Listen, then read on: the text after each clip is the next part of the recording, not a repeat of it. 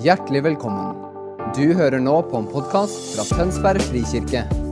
Talen er tatt opp på vår gudstjeneste søndag på Brygga i Tønsberg.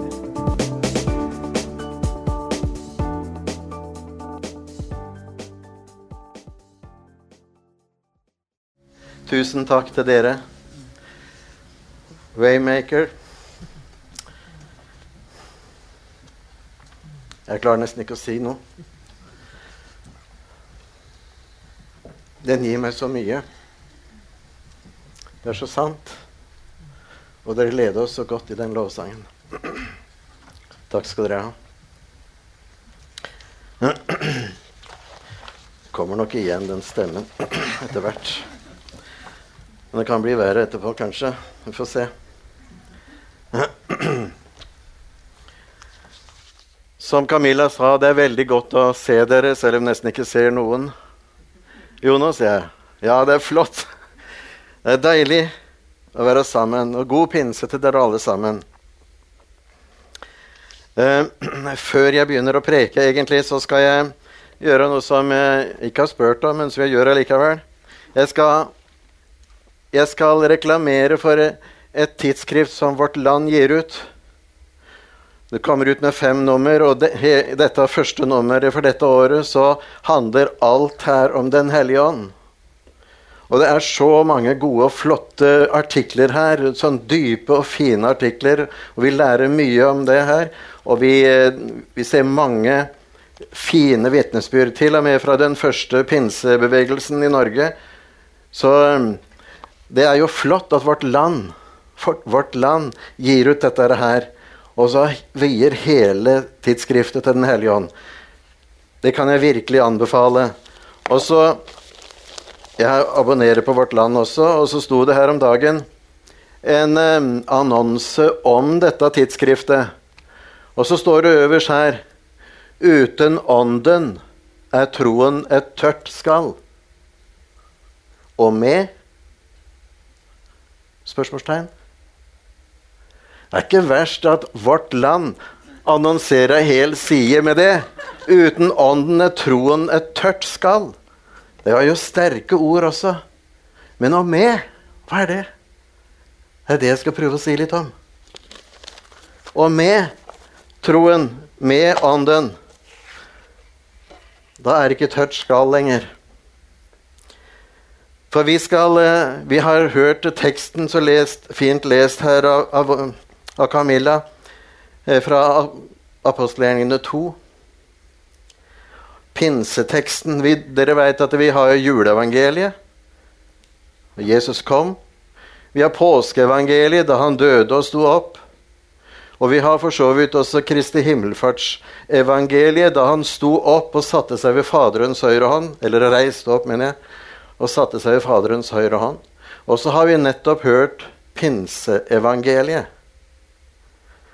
Og det er naturlig å si noe om det nå i pinsen. Så når, Jesus, når Den hellige ånd kom over disiplene Men Den hellige ånd er ikke noe nytt. For det står i første Mosebok, første kapittel og det andre verset, altså helt først, at jorden var øde og tom.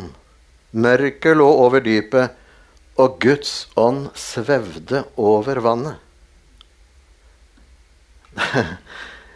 Når, når, Guds ånd svever over vannet, da har vi de to viktigste elementene. Når ånden skal skape noe av vann, det levende vann.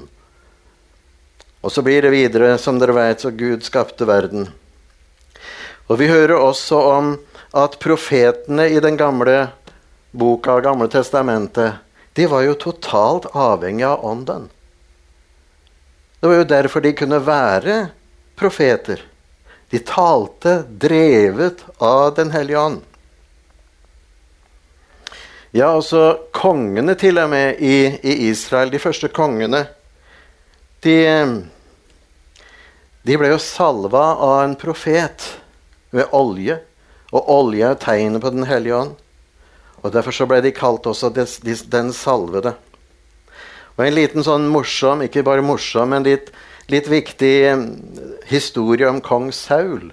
Dere husker han som eh, forfulgte og, og hata David, fordi David hadde jo blitt bestemt for å overta.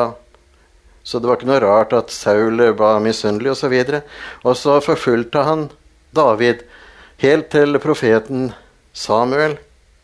Og så sendte han mange av tjenerne sine der, Saul. Og så kom Den hellige ånd over dem, så de kom i profetisk henrykkelse. Og til slutt så kjørte Saul ned sjøl. Og han kom i profetisk henrykkelse, han også.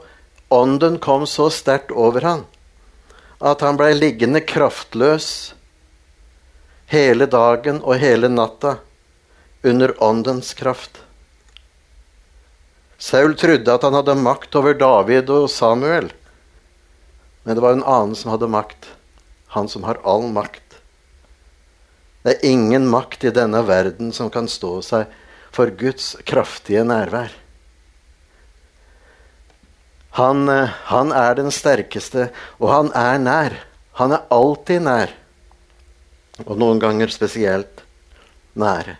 Jeg skal først nå si litt om løftene som vi leser om, som, om, om det at eh, Den hellige ånd skulle komme. Vi kan lese i profetene, i de store profetene i Gammeltestamentet, så står det om at det skal komme en ny tid. Ei helt ny tid.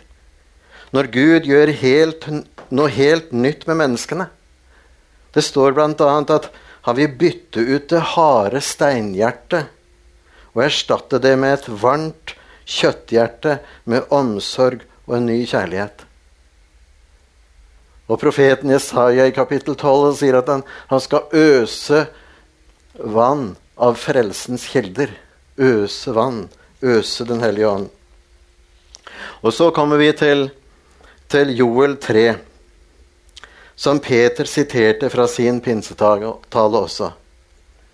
Og Joel, en av de siste profetene, han sier En gang skal det skje at jeg øser ut min ånd over alle mennesker. Alle mennesker. Deres sønner og døtre skal profetere. De gamle skal ha drømme, skal drømme drømmer, og de unge skal se syn. Ja, selv over slaver og slavekvinner vil jeg i de dager øse ut av min ånd. Dette er helt uhørt. Det var helt uhørt i Den gamle testamentet, i Den gamle pakt. Sånn var det ikke da. Det var noe helt nytt som skulle skje til alle mennesker. Her er det ikke noe rang, her er det ikke noe veldig store og så noen slaver under her som vi skal trelle for, for Gud. Nei, her, er, her skjer det noe helt nytt. Og så kommer døperen Johannes, den nye profeten på Jesu tid. Han som er fylt av ånd og ledet av Guds ånd. Og så en dag så tar han sin disipler med seg, og så ser han Jesus så ser han Se der er Guds lam som bærer verdens synd. Som bærer bort verdens synd. Det var det viktigste. Jesus er frelserkongen, den salva frelserkongen Messias. Og han skulle de lære mer om og bli kjent med etter hvert. Så sier også denne samme døperen Johannes en gang i Lukas 3 så sier han, 'Jeg døper dere med vann', men det kommer en som er sterkere enn jeg, og jeg er ikke verdig til å løse sandalremmen hans. Og han skal døpe dere, døpe dere med hellig ånd og ild. Det hadde profeten, døperen Johannes, fått vite. Han sa at han kjente den ikke, han, men, men han kjente i sin ånd at her var det noe helt nytt. Noe helt nytt som skulle skje. Ja, også Jesus gir løfter om åndens komme til sine venner. En dag, en gang står det i Johannes 14 så står det at han, han, hadde jo sagt at han snart skulle dø, at han skulle reise fra dem. Og de ble veldig bedrøva, disiplene. Men så sa han sånn som Camilla sa til å begynne med, det er til gagn for dere at jeg går bort. Det er en fordel, rett og slett. Det er bra at jeg går bort, men jeg lar dere ikke bli igjen som foreldreløse barn. Jeg kommer til dere. Merkelig. Og så sa han også jeg, Vi, altså Faderen og jeg, vi vil sende en annen talsmann som skal være hos dere for alltid, og han skal lære dere alt og minne dere om alt det jeg har sagt, sa Jesus. Da er det veldig viktig innen parentes nå, det er veldig viktig da at vi leser mye og setter oss inn i hva Jesus har sagt, så Den hellige ånd har noe å jobbe med oss og minne oss på. Derfor så leser vi Bibelen. Og dere leser Bibelen mye. Til stadighet så kommer Den hellige ånd og minner oss på ting som vi trenger midt i en situasjon. Ja, parentesen, men det hører med.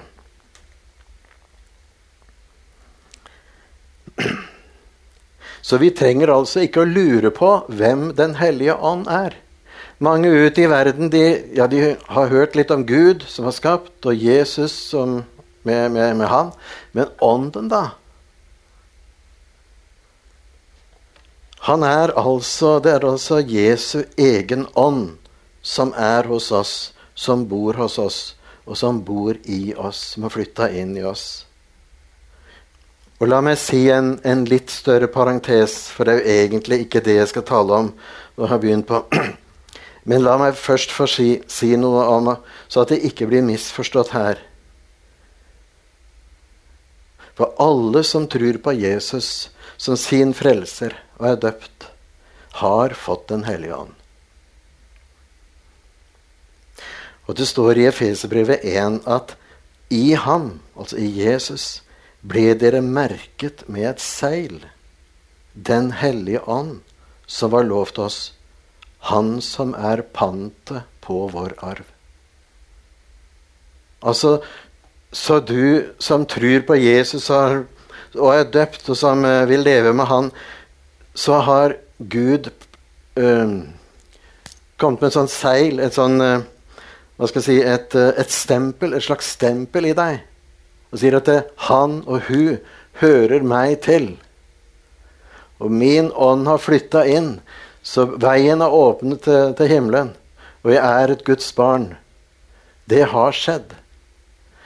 Og så bare litt mer om det. Når vi leser Efeserbrevet, så ser vi at nettopp han som når, når, Paulus skriver til de i Efesus, så sier han altså Det har skjedd, og det er grunnlaget. Men det er veldig mye mer å hente. Vi skal komme til litt tilbake til det. Også sånn som det også står i Johannes 1,12.: Alle som tok imot ham, ga ham rett til å bli Guds barn, de som tror på hans navn. Så ikke vær i tvil om at du har Den hellige ånd. Ikke vær i tvil om at det er rett med deg i forhold til Gud. Når du tror på Han, så har Han stempla deg.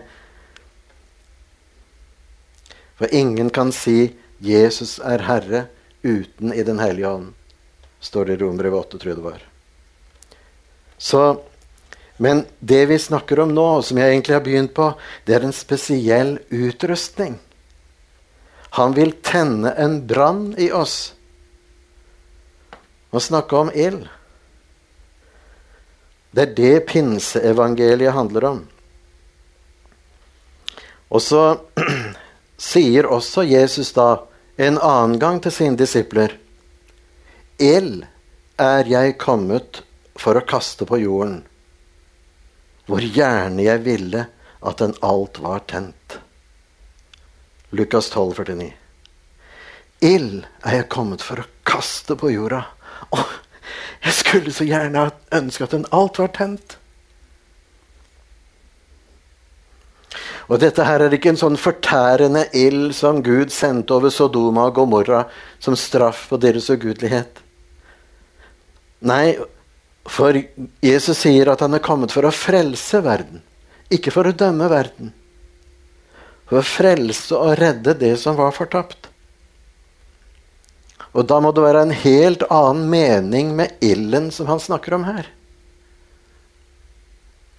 Nemlig den ild som gir lys og varme, liv og kraft. For Jesus er kommet for å gi liv, og liv i overflod. Som det står i Johannes 10. Jeg er kommet for at dere skal få liv, og liv i overflod. Den ilden han tenner i menneskets hjerter, sånn at de blir nye mennesker. At de får kjøtthjerte, at de blir gjenfødte mennesker med en helt annen ånd, med nådens og bønnens ånd.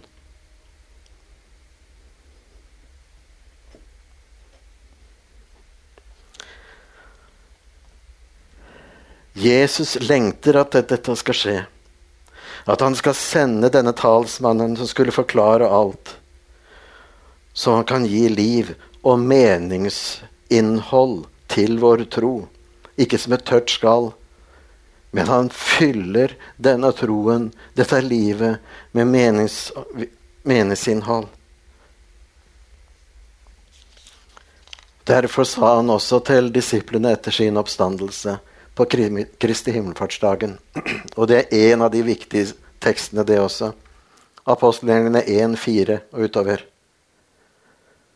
Men dere skal ikke forlate Jerusalem, sier han til disiplene, men vente på det som Far har lovt, det som dere har hørt av meg. For Johannes døpte med vann. Men dere skal om noen få dager bli døpt med Den hellige ånd. Derfor så må dere holde dere i ro ei lita stund. Og det skjedde jo i ti dager etterpå. Så sier han i vers 8.: Men dere skal få kraft når Den hellige ånd kommer over dere, og dere skal være mine vitner i Jerusalem, i hele Judea og i Samaria og like til jordens ender. De skulle være vitner av det de hadde sett og hørt av Jesus. Og Det var det som Morten også sa om helt til å begynne med. Da han ånda på dem der, da han på en måte ga dem Den hellige ånd på den, den dagen før han for opp til himmelen. Hva hadde disiplene sett? Hva var det de skulle vitne om? Og det er jo derfor han kom. Det er derfor Den hellige ånd kom. Hensikten er å sette dem i stand til å vitne. De hadde sett at eh, han hadde gjort vann til vin i Kana. Han hadde altså gjort om alle de 600 liter vann da, til eh, den beste vinen som fantes. Til liv i overflod, til fest, til overskudd i hverdagen. Selv om det er ikke alltid sånn vi, vi merker det, kanskje. Aller minst meg, kanskje. Men den, vinen er der. Det nye, nye kraftmiddelet er der. Det var det første tegnet han gjorde, som tegn på hva som skulle skje. Det hadde de sett. Og de hadde sett at han ga tilgivelse og livets vann til kvinnen ved brønnen i, Syria, i Samaria. Ja, i Samaria, altså. Så hun blei så glad og frimodig at hun løper inn i byen og forteller at hun antageligvis har funnet Messias. Hun er ikke redd lenger. Frimodigheten. Hun skjønte ikke helt at hun, han allerede hadde gitt henne dette levende vann, bare ved å avsløre og, og møte henne med tilgivelse og omsorg. Og Det er jo det det handler om. Og mange andre under så de tegn på at Guds rike var kommet nær. Og så står det en annen plass at de samme tingene skulle også hans disipler gjøre når de fikk kraft. Eller drivkraft. Når Den hellige ånd kom over dem. Jeg vet ikke om noen av dere hører på radio P2. Det er så mye unge folk her at dere vet vel ikke hva som er P2 engang. Men det er altså et sånt litt, eh, litt mer seriøst program. Og der eh, der er det et program som heter Drivkraft. Sånn ca. 11 på formiddagen. og Noen ganger så hører jeg litt på det. Det er gjerne om en eh, person som har gjort noe sånn stort, eller som har bemerka seg, en forfatter eller, eller en annen som er vel kjent, osv. Så, videre. så er det intervju om dette, her, og så mot slutten så spør han hva er egentlig din drivkraft? til alt dette flotte du gjør. Jeg tenkte på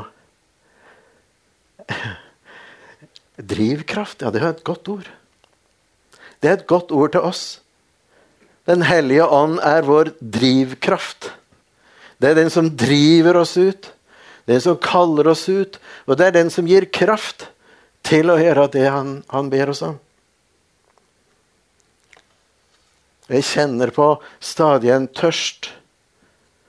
For vi er mange her som har mye erfaring med dette her, men allikevel så trenger vi på nytt og på nytt og skal komme tilbake til det mot slutten.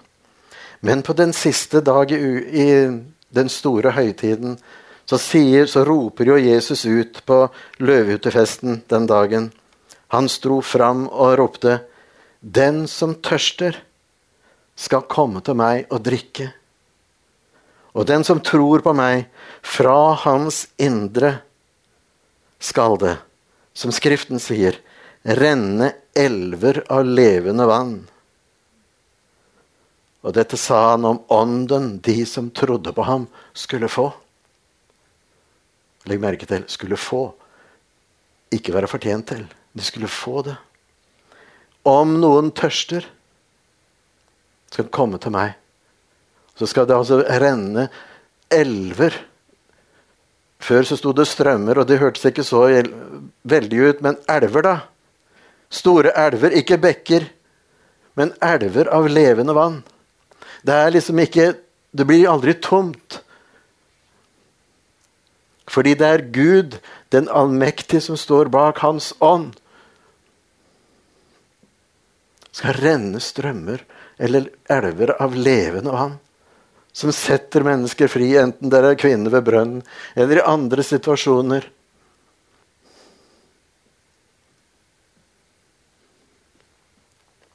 Og så kom pinsedagen, da alle var samla på ett sted. Nå hadde de hørt hva som skulle komme, og nå skjedde det. De var samla, og Inne i dette rommet vet ikke hvor stort det var, men det står litt tidligere at det kanskje var de 120 stykker der. Så det måtte jo vært et viss størrelse. Men en veldig storm.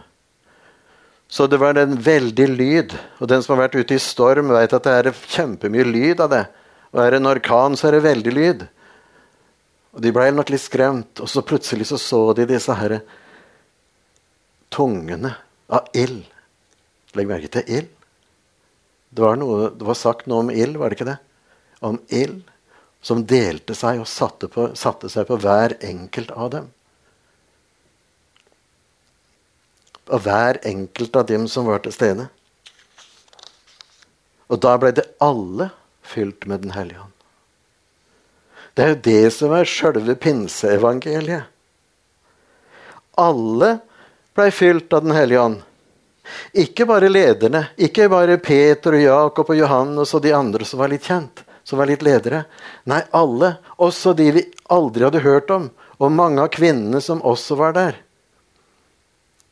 Det var kanskje ikke noen treller og trellkvinner der, men de var i hvert fall kvinner som vi ikke var regna med.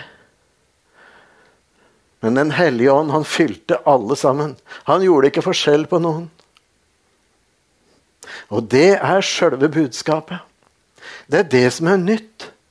At før opptrådte Den hellige ånd hos noen enkelte utvalgte. Men nå er det alle. Både dere jeg ser, og dere jeg ikke ser. Og dere som følger dette her på, på TV ellers. Om du er hjemme i stua di, eller om du ser dette seinere. Det gjelder deg. Det gjelder meg. Når jeg er på det aller fattigste. Han har nemlig bruk for alle, også i dag. Men alle trengte en overnaturlig kraft. Og de trengte et stort mot, for det var jo veldig farlig å være en av Jesu vitner. Og det viste seg at alle apostlene, bortsett fra Johannes, ble jo, ble jo martyrer. Det var farlig for dem. Og så trengte de visdom og innsikt som de ikke hadde fra før. Ja, de trengte rett og slett en åpenbaring. Å ja! Det er dette det handler om. Og så fikk de en drivkraft som gjorde at de sa det. Og så begynte Guds ånd å tale gjennom hver enkelt av dem med språk som ingen av de kunne. De var jo bare fra Galilea, hele gjengen.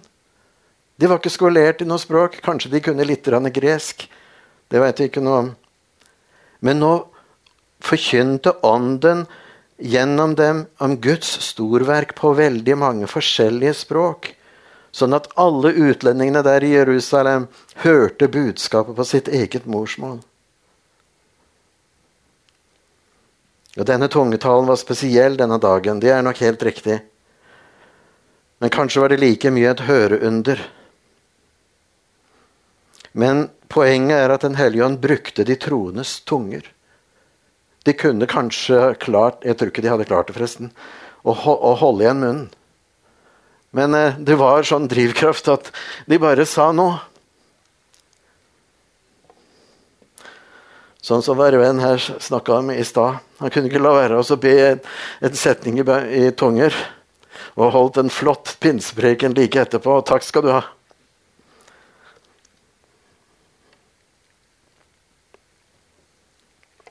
Så står det at det ble stor forvirring, for hver enkelt hørte sitt eget morsmål bli talt. Som eh, Camilla så, så, flott leste om alle disse her eh, alle, fra alle disse landene. Og så ble det en slags guddommelig reparasjon. Har du tenkt på det?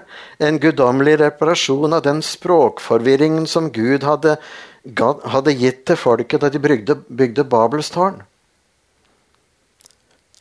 For først, I begynnelsen av Bibelen så står det om det. De bygde Babels tårn for de ville bli, få et godt navn, de ville bli berømte, og så ville de bli omtrent som Gud. Og da syntes Gud dette her var litt skummelt, så han, han, la inn forvirringen. Han la språk til hver enkelt, så de skjønte ikke hva de sa til hverandre. Så ble det en slags Babels forvirring. Men her er det noe helt annet. Det er stikk motsatte. Denne forvirringen som de snakka om, det var ikke det at de ikke forsto, men det var det at de nettopp forsto. Alle forsto det på sitt eget språk. Det var som, som den som snakka norsk Jeg vet ikke hvilket land det var i, men det samme. Det kunne i hvert fall ikke norsk, men så, han som talte i tunger, eller hun, talte, og så viste det seg å være norsk. Sånn var det som skjedde.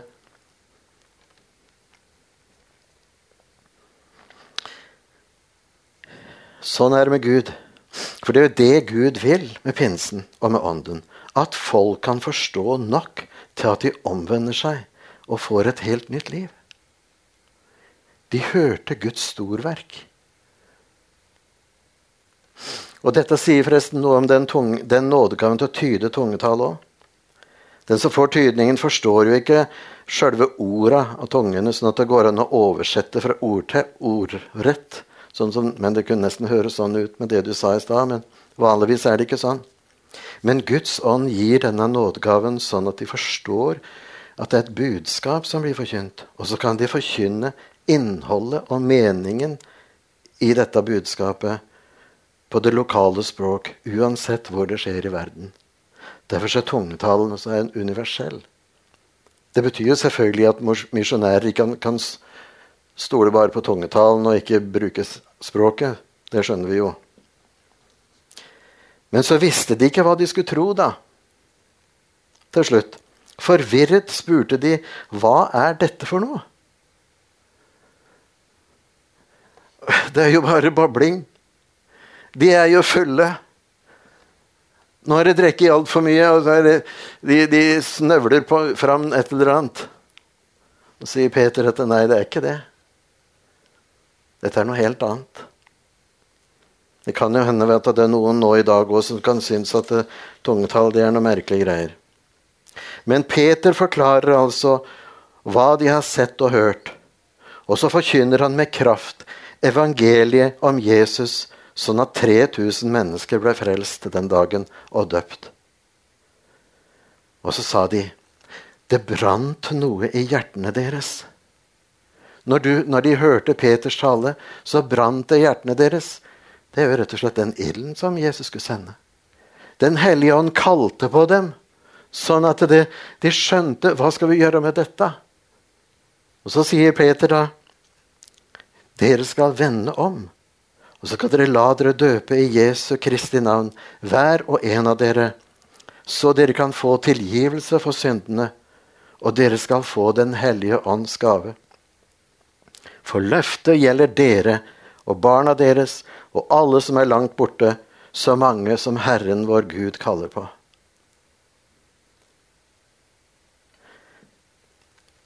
Vend om. Omvend deg. Og tro. Og la deg døpe. Og så skal du få to ting. Dere skal få først, for, det første, for det første så skal dere få tilgivelse for syndene. Og syndene er det eneste som kan skille oss og Gud.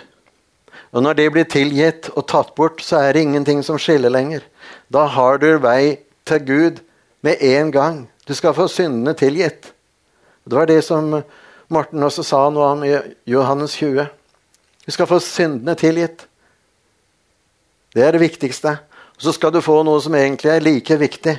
Du skal få Den hellige ånds gave. Det er nummer to.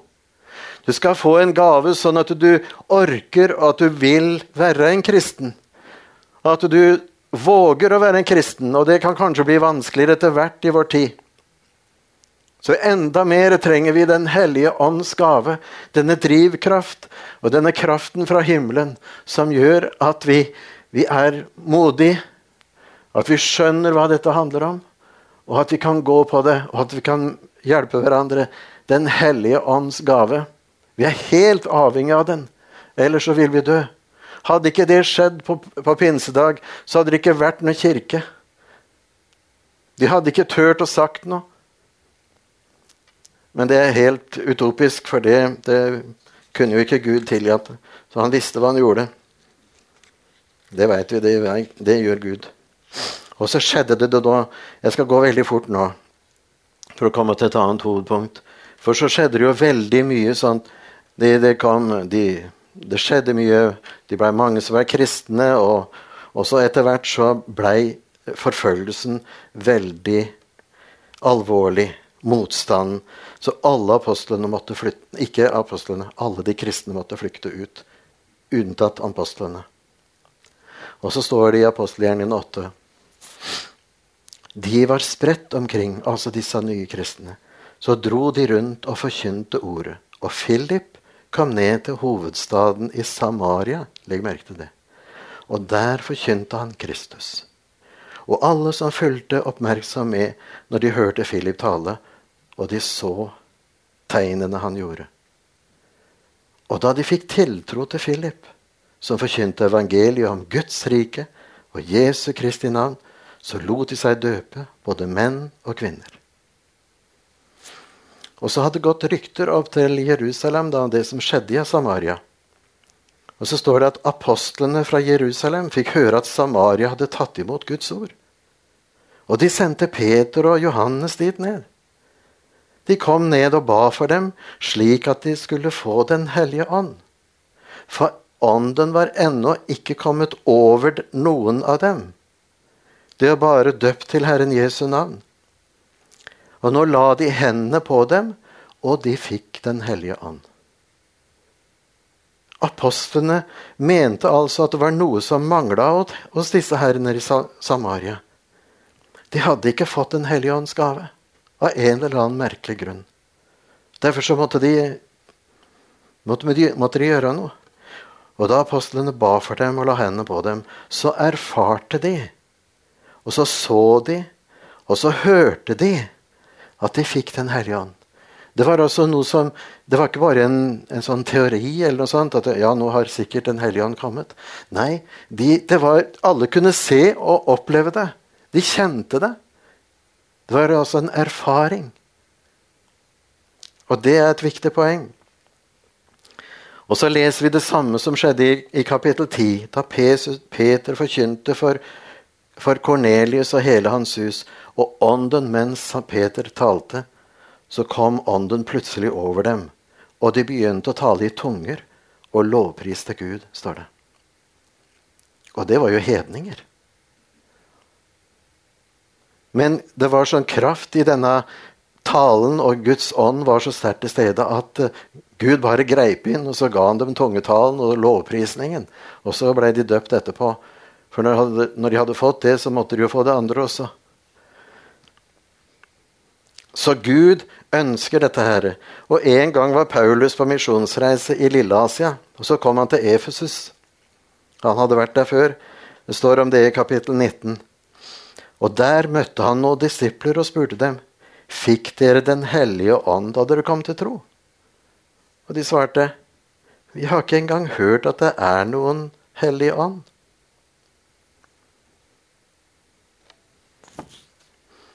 Ja, hva slags dåp er det da døpt med, sa han. Johannesdåpen, svarte de. Da sa Paulus, Johannes døpte med en dom med en dåp til omvendelse. Og han sa til folket at de skulle tro på han som kom etter ham. Det er Jesus. Men etter å ha hørt dette lot de seg døpe til Herren Jesu navn. Og da Paulus la hendene på dem, kom Den hellige ånd over dem, og de talte i tunger, og de talte profetisk. De fikk altså en veldig tydelig erfaring av Guds ånd. Sånn at de kunne gjøre noe de ikke hadde mulighet til ellers. De talte et nytt språk sammen på pinsedagen. Og så profeter de. Hvorfor er jeg tar opp så mye av dette her? Jeg må bare ha tak i lommetørkleet mitt. Oi. Det er ikke noe korona, så det er uh, bare litt uh, kondens, kanskje.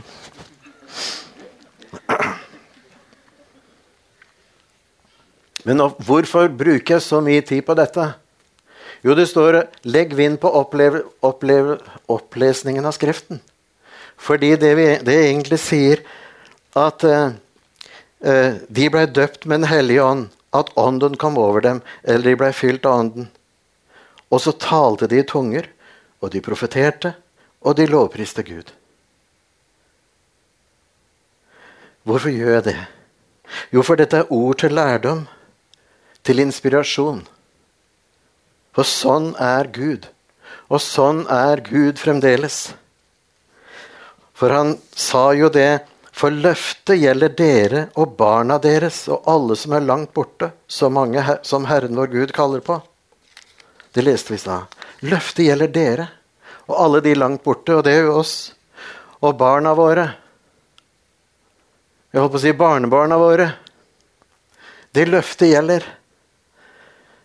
Gud er en evig Gud.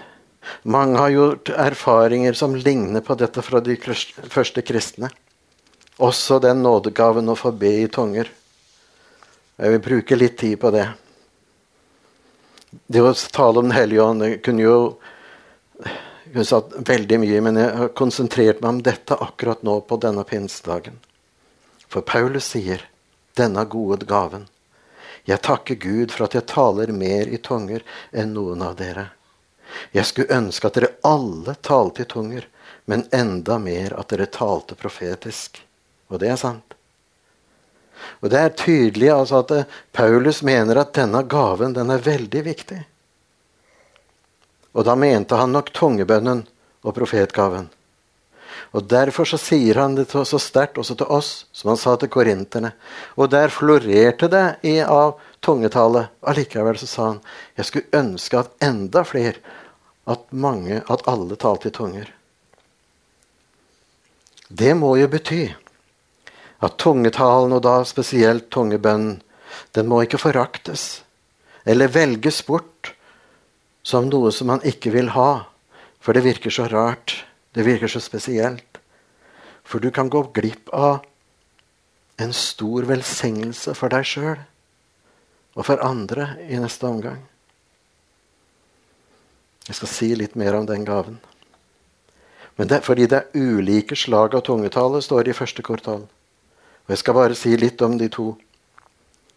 Det første, det vanlige, altså å be, be i tunger. Jeg tror det er den de fleste erfarer av tungetale som jeg tror alle kan få. Jeg tror alle kristne kan få det. Jeg veit ikke hvorfor, alle, hvorfor, ikke alle får det. Og det er mange som sliter og syns det er vanskelig, dette her. Men jeg har likevel lyst til å si det. Gi ikke opp. Tungebønnen er, er et språk, en babling med rare lyder som du bruker når du er aleine og har en helt personlig samtale med din far i himmelen. Og vi hørte i stad akkurat en en setning om det to. Det er ikke noen lyder som du bare finner på. Men når du åpner munnen og setter lyd på mens du innstiller deg til å snakke med Gud, til Gud med et åpent hjerte, så kan tungene, komme. Og så sier Paulus i Romerne 8.: Dere har fått Ånden, som gir rett til å være Guds barn, den som gjør at vi roper 'Abba, far'. Vi hørte de sa 'Abba, far'. Det er noe i oss. Vi har fått Ånden, som gjør at vi har det papparopet. Det er samtalespråket, det er kommunikasjon mellom himmelens Gud og hans kjære barn på det private plan, i det private rom.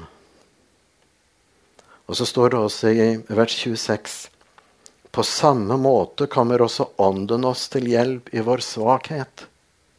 For vi veit ikke hva vi skal be om for å be rett.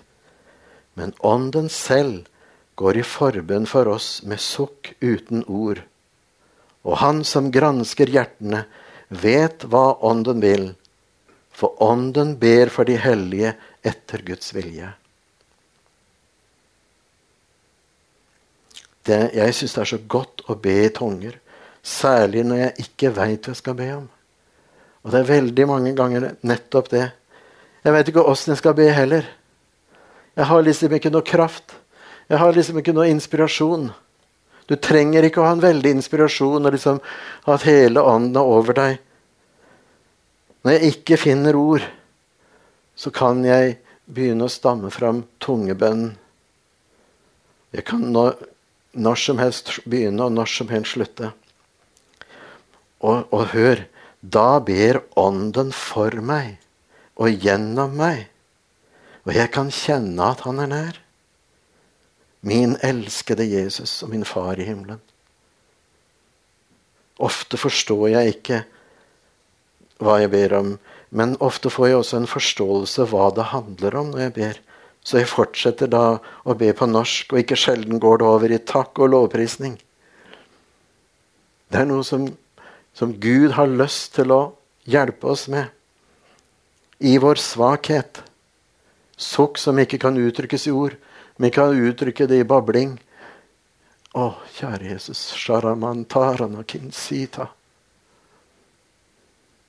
Jeg kan begynne når jeg vil, jeg kan slutte. Og jeg kjenner at Gud er til stede.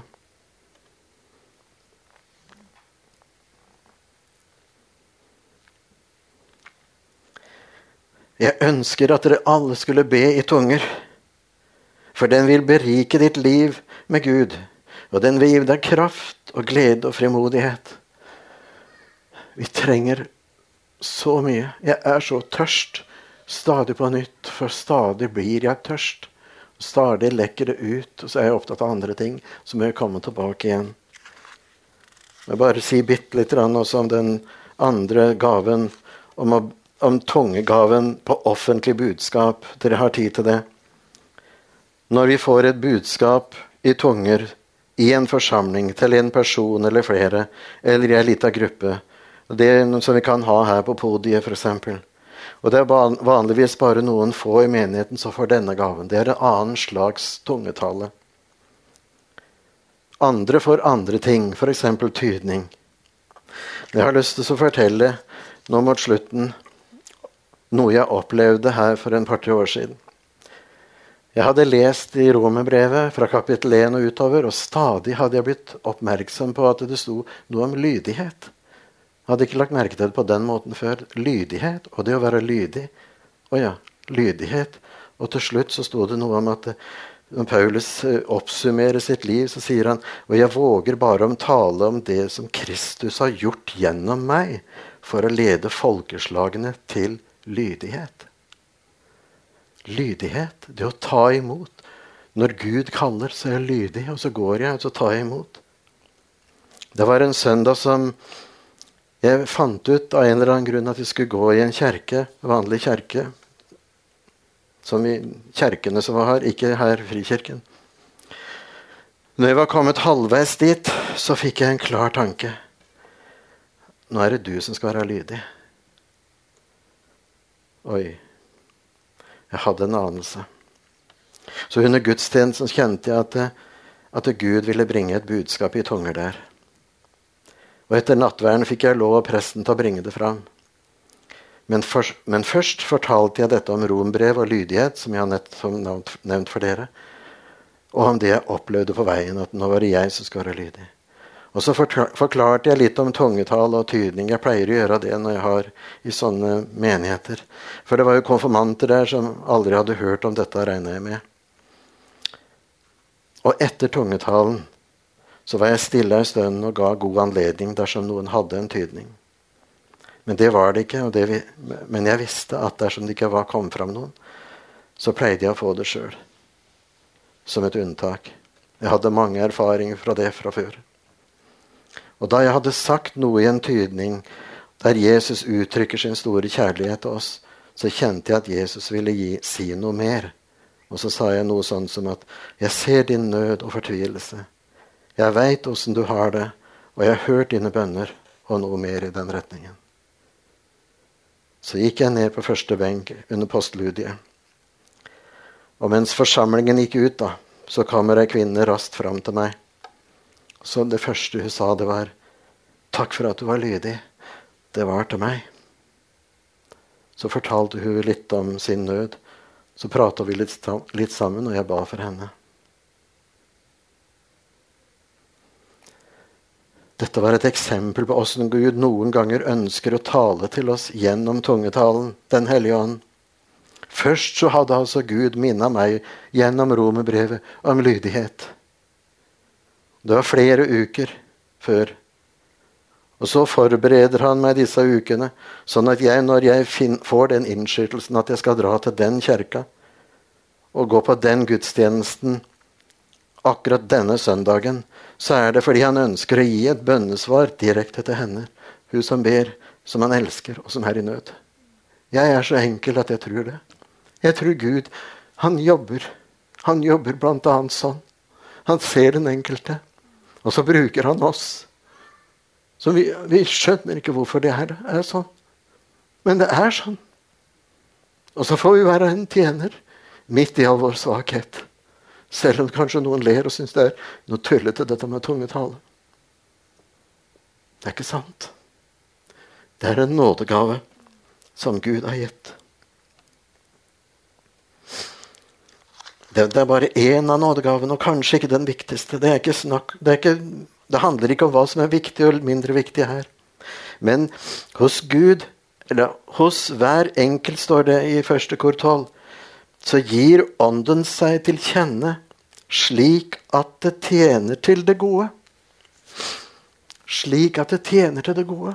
Det er derfor han gir nådegaver. Det er derfor han kraft. For det er nettopp det Gud vil med oss. Han vil oss bare godt på alle områder. Han har full kontroll. Han veit hva du sliter med.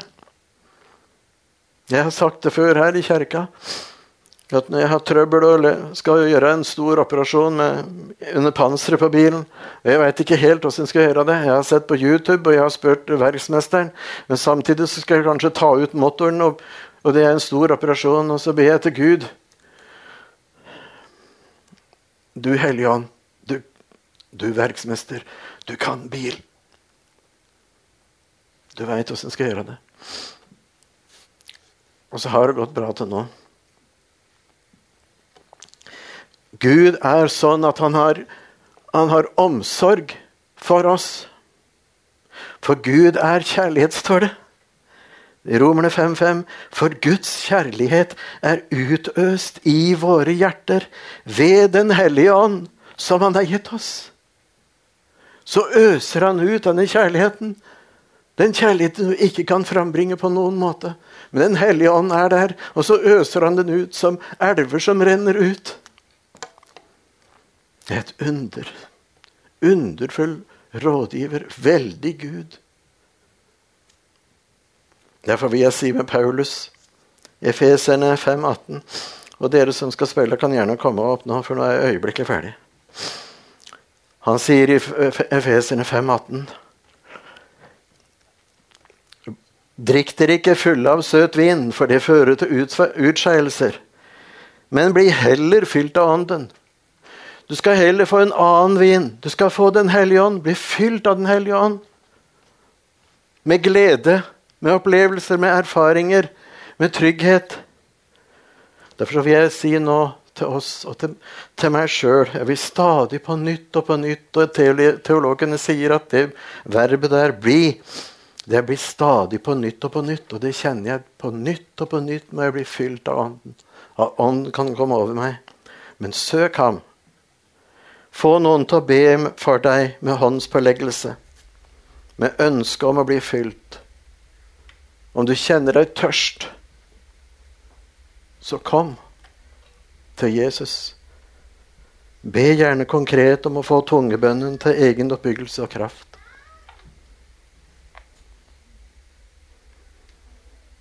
Eller be om andre ting. Og nå skal vi ha forbønn etterpå for den som ønsker det. Bruk den anledningen til forbønn om dette eller andre ting. Vi er svake alle sammen, men Ånden kommer oss til hjelp i vår svakhet. Derfor kom, Hellige Ånd. Kom, Jesus. Takk, Herre Jesus, at du er en levende Gud. Takk, Hellige Ånd, at du viser oss Jesus så vi kan se Gud og leve. Takk, Hellige Ånd, at du er midt iblant oss. Takk for at du gjør under også i dag. Takk for at du er den samme i går og i dag til evig tid. Vi priser deg, Jesus. Vi opphøyer deg. Vi tilber deg. Vi tilber Ånden. Vi tilber deg, Jesus. Vi tilber deg, Far i himmelen. Fordi du er stor, og du har kommet til oss i pinsen og fyller oss med deg. Og gjør oss til nye mennesker. Stadig på nytt og på nytt. Takk, Jesus. Vær frimodig, kjære venner. Søk Ham. Amen.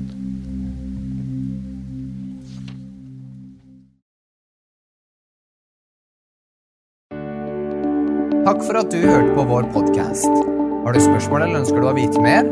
Søk oss på vår nettside tonsbergfrikirke.no. Du er også velkommen til kirke på Brygga i Tønsberg.